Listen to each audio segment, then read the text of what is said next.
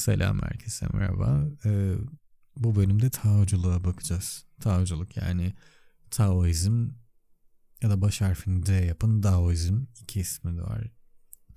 Konfüçyüsçülükle birlikte 2000 yıldan fazla bir süredir Çin'de hayatın her alanını biçimlendiren iki büyük yerel dini felsefi sistemden biri Taoizm. Temelinde yol anlamına geliyor Tao ve e, kökeni de böyle eski Çin şamancılığına falan dayanıyor. Taoculuk tabiatla uyum halinde olmayı, müdahaleden kaçınmayı, basitliği ve sadeliği savunan bir düşünce ve inanç sistemi. Yani özünde bu fakat sonradan siyasi muhabbetlerden dolayı yanlış yorumlamadıysam dine dönüştürülüyor bir şekilde. Birinin çıkıp ben rüyamda Lao Tzu'yu gördüm demesiyle. Lao Tzu demişken bu adam Taoculun başlangıcının dayandığı nokta. Yani milattan önce 6. yüzyılda yaşamış Lao Tzu. Ee, ve şöyle bir şey var. Taoculuk esasen bilgi ve hikmete ulaşmayı amaçlayan felsefi bir sistem. İlk bu Lao Tzu zamanında. Her neyse. Tabi zaman geçiyor. Yıl oluyor. Milattan sonra 142. 142 yılında Zhang Daoling diye bir adam Lao Tzu'dan vahiy öğreti aldığını iddia ediyor. Üstad olarak bilinen Zhang'ın kurduğu Semavi Üstadlar Yolu Tianshi Dao bir mezhep gibi düşünün bunu. Ölümünden sonra ya dini bir hareket gibi de düşünebiliriz. Bu Zhang'ın ölümünden sonra oğlu ve torununun önderliğinde bağımsız bir dini harekete dönüşüyor. Tianshi Dao, Semavi Üstadlar Yolu. Bu dinin rahiplerine yapılan bağıştan dolayı beş ölçek pirinç yolu olarak da bilinen bu örgütlenme sonucunda siyasi ve dini güce sahip Tao kavramını merkeze alan bir topluluk oluşuyor. Ah geldi siyaset, geldi din. Nereden nereye? Rahiplerine yapılan bağıştan dolayı beş ölçek pirinç yolu olarak isimlendirilmiş olmaları da zaten böyle belli ipuçları vermiş aslında. Ama hayırlısı.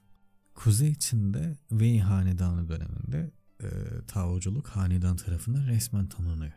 Bir inanç haline geliyor. Artık resmi bir şekilde başka bir resmi otoritenin tanıdığı bir din haline geliyor.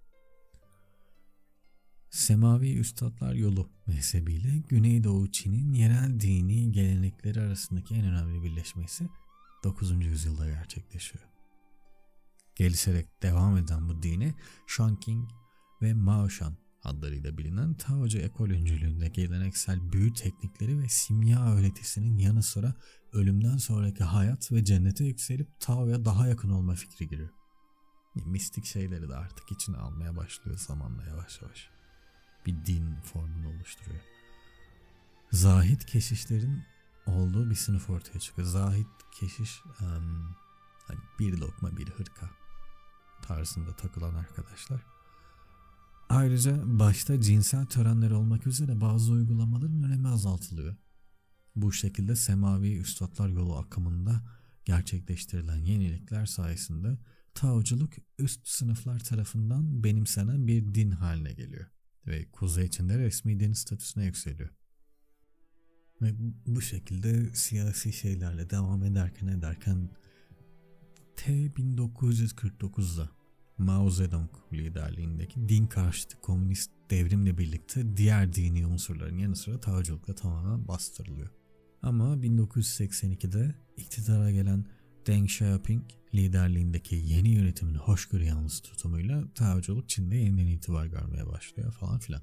Nitekim günümüzde çok sayıda böyle Taocu mezhep varlığını sürdürmekte. Taoculuğun Çin dışında başta Tayvan, Malezya, Singapur, Kore, Japonya, Vietnam ve Tayland böyle gibi Güney Asya ülkelerinde varlığını görüyoruz. Aynı, aynı zamanda şeyde de var tabii ki de mensupları. Kuzey Amerika'da ve Batı Avrupa'da da var. Taoculuğun böyle en temel kavramı Tao. Yol demek. Sistem içerisinde evrendeki dengeyi ve düzeni sağlayan yol, ilke ve ideali ifade eder. Tao'nun üç seviyesi vardır. Yüce Tao her şeyin kaynağı olan mutlak ilk bütün yaratılmışların ardındaki görülmeyen, mistik yolla kavranabilen güce karşılık gelir. Tao Te Ching'de yer alan ifadeyle onun tek ismi vardır. Her şeyin anası. O boş bir kap gibidir. İçine hiçbir şey dolduramaz. Dibi yoktur ve her şey varlığını ona borçludur. Her şey ondan doğar. Tao'dan bir, birden iki yani yin ve yang, ikiden üç yani su, toprak, hava, üçten de alemdeki varlıklar doğar. İkinci seviyede yer alan tabiatın taosu, tabiatın özünü oluşturan ve e, onu kontrol eden ritmi. Üçüncü seviyedeki kişisel tao ise her kişinin hayatındaki hayatında etkili olan Tao'yu ifade eder. Tao dediğimizde hani kutsal yollar. E, Taoculuğun amacı yüce Tao ile bir olmaktır. Şimdi e, Tao'ya bağlı diğer bir kavram da erdem ya da güç şeklinde tercüme edilebilir. E, bunda da Tao'nun görünüşü ya da yansıması olarak bütün varlıklarda bulunan T. Yani görünmez Tao'nun doğadaki her şeyi değiştiren görünür yanı. Bu manada T, Tao'nun gerçek varlığının aydınlığa çıkışı veya kişi tarafından algılanan biçimi olarak tanımlanabilir. Varlığında bu yansımayı fark eden kişi aradığı huzuru yakalamış, eşyanın gerçek niteliğini kavramış ve her şeyi tabiilik içerisinde yapabilecek noktaya ulaşmıştır. Kısacası kişi bu durumda içinde yaşadığı kültür tarafından şekillenmeden önceki ilk haline yani yontulmamış taş veya ağaç durumuna dönmüştür. Bu durum zihnin ve e, bilgi ve tecrübelerle şekillenmemiş asıl halidir. Yani bir içe dönüklük, bir iç huzur arama muhabbeti içindeler ki zaten bunu da güncel mezheplerinde de şeyde görüyoruz. E, Taoizmin bugünkü en baba mezhebinde şey çok meşhurdur. Meditasyon yapalım, oturalım, çömelim, iç huzurumuzu bulalım, kafa dinleyelim muhabbetine çok giriyorlar. Tabi böyle söylemiyorlar ama öyle. Kavramlarda çok kaybolmak istemiyorum ama insanla evreni birbirine benzetir. Bu çok önemli bir şey Taoizm'de. İnsan ne bileyim çok küçük bir evrendir ve bedeninde evrenin düzenini yansıtır. Bunun en belirgin görünüşü Tao geleneğindeki beş ayrı işte yönde yer alan beş kutsal doğa gökyüzünün beş bölüm beş bölümüne ve beş mevsime yani dört mevsim artı yaz sonu herhalde Çin kültürüyle alakalı bu. İşte beş mevsime denk gelen insan bedenindeki beş bölgenin hani karaciğer, kalp, dalak, akciğer bir de böbrekler yer aldığına inanılıyor. Yani bunların karşılıklarının olduğuna inanılıyor. Tabii çok farklı bir noktadan girip aslında güzel de bir şey yakalamışlar. Yani bugün de şey benzetilir işte atomun o yapısı işte ne bileyim merkezde bir tane proton var etrafında elektronlar fink atıyor ama bak bizim güneş sistemimiz de ona çok benziyor falan.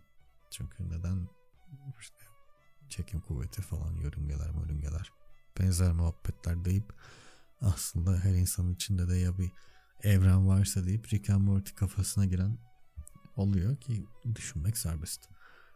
Adamlar bunu ta o zamanlar yakalamış. Güzel kafalar. Ama işte keşke güzel bir kafa olarak kalsaymış. Yani siyasete bulaşmış ve dine dönüşmüş. Hanedanların kavgalarının arasında böyle bir güç aşkı içinde yanan o imparatorların dini kullanma arzusu. Adamların ta şeyde belliymiş. Yani bunu bir dini harekete dönüştürdükleri anda zaten insanlardan rahipler bağış almaya başlamış işte.